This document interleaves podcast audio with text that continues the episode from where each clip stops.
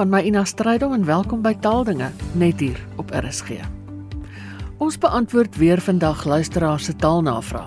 My gaste is ouer gewoonte die hoofredakteur van die Woordeboek van die Afrikaanse taal, Dr Willem Botha, en 'n senior mede-redakteur, Alet Kloete. Willem, kom ons begin by jou. Yuri van Belwel wil weet, waarom noem ons 'n bokkum 'n bokkum?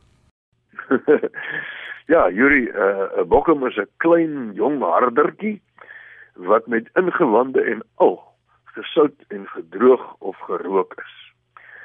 En ons kry dit natuurlik in die Weskus is dit algemeen dit hang in sulke lang rye aan aan aan toue of drade. En ons kry dit uit Nederlands bokkum, 'n wisselvorm van bokking. En bokking is 'n afleiding met ing van bok 'n doodgewone bok.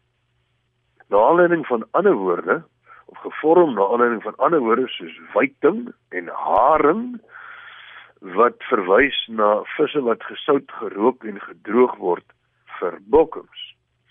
Nou bokkums herinner aan bokke omdat dit min of meer dieselfde vorm het as bokhorings en omdat 'n bokking net so hard is soos bokhorings en glo ook net so erg stink soos bokke. Nou van die stink kan ek getuig. Dit is die lekkerste stinkste ding op hierdie aarde, maar hy stink. Marina van Kuilsrivier skryf dat 'n onlangse potjie nastergal konfyt present gekry het. Sy wil weet waar die naam vandaan kom, want die konfyt is heerlik soet en sy wonder hoekom dit dan nastergal is. Gal is tog veronderstel om bitter te wees. Alet?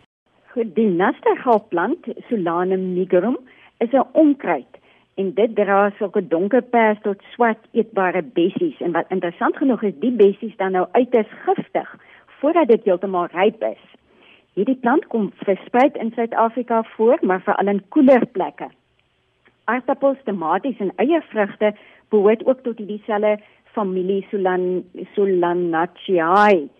En ehm um, hulle vervaardig ook die gevaarlike alkaloïd solanin Solanienvergiftiging kan onder andere diarree, vermering, maagpyn, 'n stadige pols of 'n of stadige asemhaling, hoofpyn en koors veroorsaak. Nastergal is volksetimologies vervorm uit nagtskade. Die Engelse het ook nightshade en dit kom uit die uit die Hollands nagtskadief wat met ander woorde nagskade weer is. En een van die verklaringe vir die etimologie van hierdie woord is die volgende: Hulle sê dat die naam moontlik verwys na die soort plante se donker, mistieke geskiedenis. Want sommige van die plante is as dwelmmiddels en hallusinerende middels gebruik.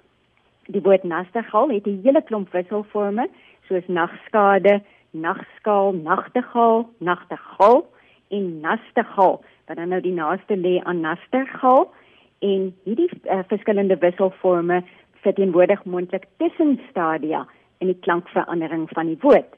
Maar ek is daarom seker dat die konfyt wat kommersieel beskikbaar is, heeltemal onskadelik is en die luisteraar kan dit met 'n gerusde hart geniet.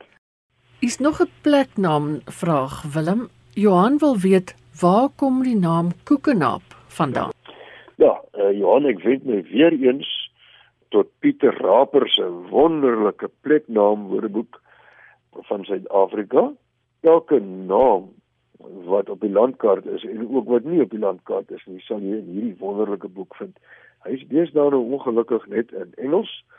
South African Place Names, Pieter E. Raper. Nou, ek weet nie wat gebeur het nie, maar uh, Pieter Raper is nou deesdae net Afrikaans, maar gewoonlik was die boek in Afrikaans en Engels.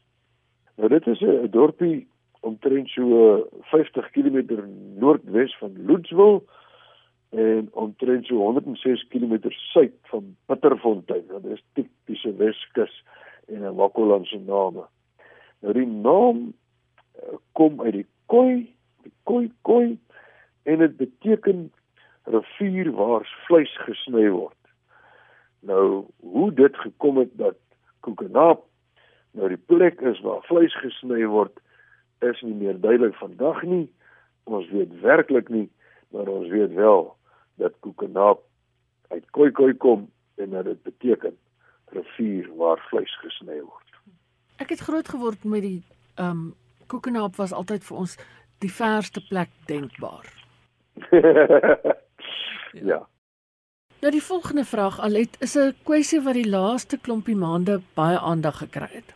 Kosie Karstens van Woester skryf dat die hoofstad van Oekraïne KIEF deesdae op netwerk 24 KIEF gespel word. Nou vra hy, is dit doelbewus of is dit onkunde? Jy moet mens sê dat tale soos Chinese, Japanees en Russies wat 'n ander skrifstelsel as Afrikaans gebruik, erkenning gee aan 'n transliterasiesisteem waarin woorde en dis nou veral eie name vir internasionale gebruik in die Romeinse alfabet geskryf word. En in sulke gevalle behoort daardie gestandaardiseerde spelwyse ook in Afrikaans gebruik te word en moet dan nie volgens die Afrikaanse uitspraak wat dikwels 'n uh, vermeende uitspraak is getranslitereer word nie. En hierdie nuwe spelwyse is dan 'n poging om in ooreenstemming te kom met dit wat internasionaal aanvaarbaar is. Willem, is dit korrek om te praat van dit was 'n pynvolle ervaring om afskeid te neem van almal wat vir hom dierbaar is. En dis 'n anonieme luisteraar wat dit wil weet. Ja, ongelukkig is dit nie korrek nie, maar ek ek hoop nie ons kom by 'n punt waar dit nou maar aanvaar word as Afrikaans nie. Want dit is 'n baie duidelike blote navolging van die Engelse pyn voel. En uh dit is nou ongelukkig so dat die Engels die meeste byvoeglike naamwoorde of baie van hulle gaan uit op voel. Ja. En die reg korrek Afrikaans is natuurlik pynlik. Dis 'n pynlike ervaring. Mense doen ook dit ook al letterlik deesdae. Dan uh, het iemand miskien 'n besering op die rugbyveld opgedoen en vra iemand van is dit pynvol? Terwyl ons gewoonlik eintlik sê is dit pynlik of het jy pyn? Ja. Ehm um, dit is baie ontstellend, maar dit is 'n algemene tendens. Daar's nog baie ander woorde ook in hierdie verband. Ek kan net nou nie hulle dink nie. Maar baie beslis is pynvol 'n blote navolging van die Engels. Dit is heeltemal onnodig. Ons het baie byvoeglike name in Afrikaans uh soos vreugdevolle dag ensovoorts wat op vol eindig. Maar dan is ook variasie in Afrikaans, verskeidenheid wat Engels nie het nie en wat is baie keer op 'n luk eindig, soos pynlik.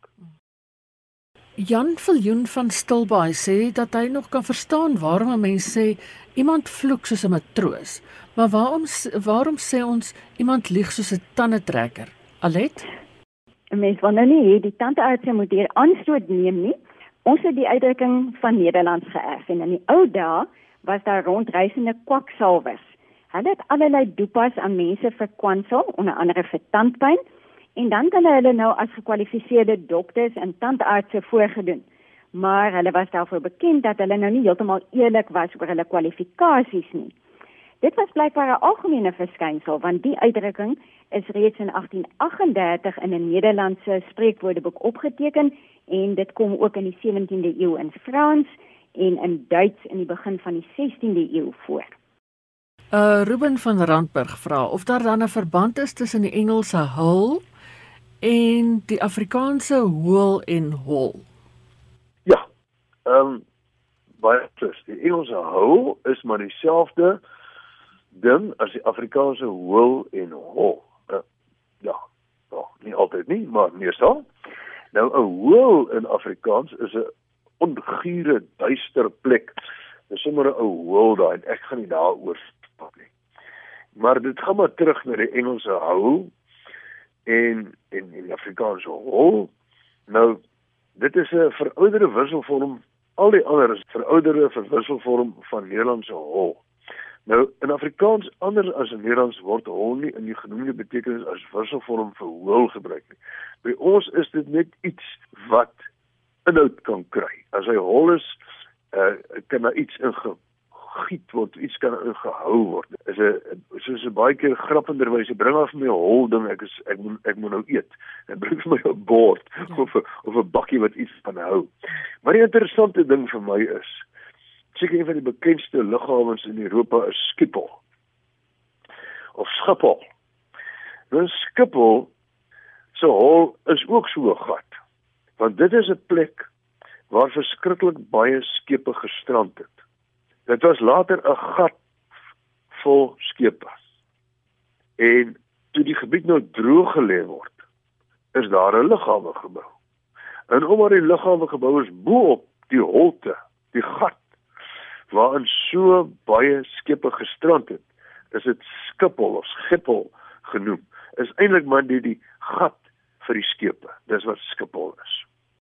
Alet Rina Visser van Drie Ankerbaai sê dit grief my as mense die passief verkeerd gebruik.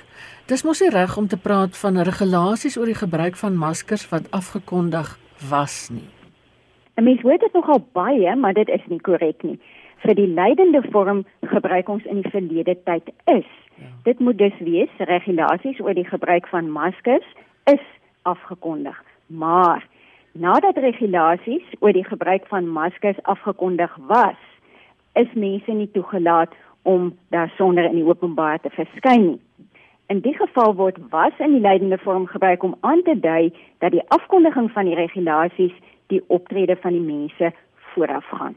So met ander woorde, wanneer jy uh twee dinge hier het en die een lê verder terug as die ander een, gaan jy was en is gebruik. Willem ek dink die volgende kwessie veroorsaak baie verwarring. 'n Luisteraar wil weet hoe bepaal 'n mens waar die klem val by woorde soos tegnisi, politici, medici? Aangesien dit nie vir lyk asof die klem altyd op dieselfde lettergreep val nie.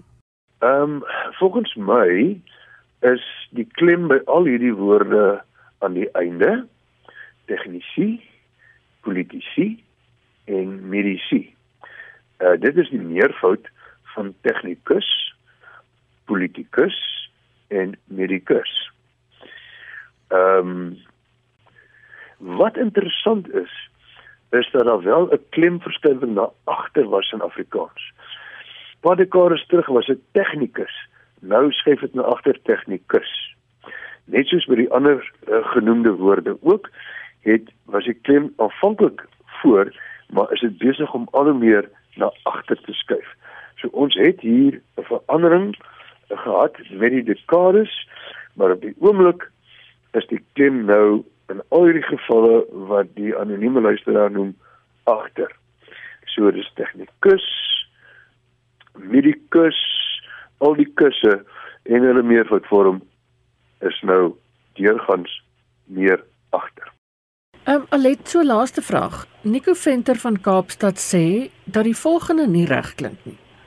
Dit het en hy het dit so in 'n berig op Netwerk 24 gesien. 'n Demiseksuele persoon is nie seksueel aangetrokke tot 'n persoon tensy hulle nie 'n diep emosionele koneksie met daardie persoon het nie. Die luisteraar se uh, aanvoeling is weer eens korrek. Die sin is dalkundig foutief. Tensy beteken behalwe as. Indien tensy dan in die betrokke sin met behalwe as vervang word, dan lui die sin dat 'n demiseksuele persoon alleen aangetrokke is tot 'n persoon indien hy of sy nie 'n emosionele koneksie met daardie persoon het nie. Nou, ek is nou nie 'n genderkenner nie, maar soos ek dit verstaan, is 'n demiseksuele persoon iemand wat juis 'n emosionele koneksie met iemand moet hê om seksueel aangetrokke te wees tot die betrokke persoon. Demi beteken half en iemand wat demiseksueel is is as dit ware halfpad tussen seksueel en aseksueel. Sodanige persoon ervaar nie primêre aantrekkingskrag, met ander woorde daardie aantrekkingskrag wanneer jy iemand vir die eerste keer ontmoet nie, maar wel sekondêre aantrekkingskrag. En dit is die aantrekkingskrag wat jy gaandeweg ervaar wanneer jy iemand nou al vir 'n hele rukkie ken. Dit was Alet Kloete senior mede-redakteur van die Woordeboek van die Afrikaanse taal. Jy het ook die stem gehoor van die hoofredakteur, Dr Willem Botha. Een van die vrae het vandag gehandel oor transliterasie. As jy belangstel om meer van die onderwerp uit te vind, luister gerus na die potgooi van 20 Maart.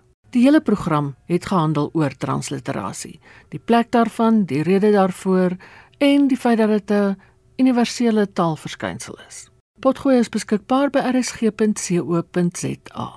Net voor ons afsluit. Die Suid-Afrikaanse Akademie vir Wetenskap en Kuns het onlangs bekend gemaak dat die gesogte Jan H. Maree Prys vanjaar aan die leksikograaf professor Rufus Gous toegeken is.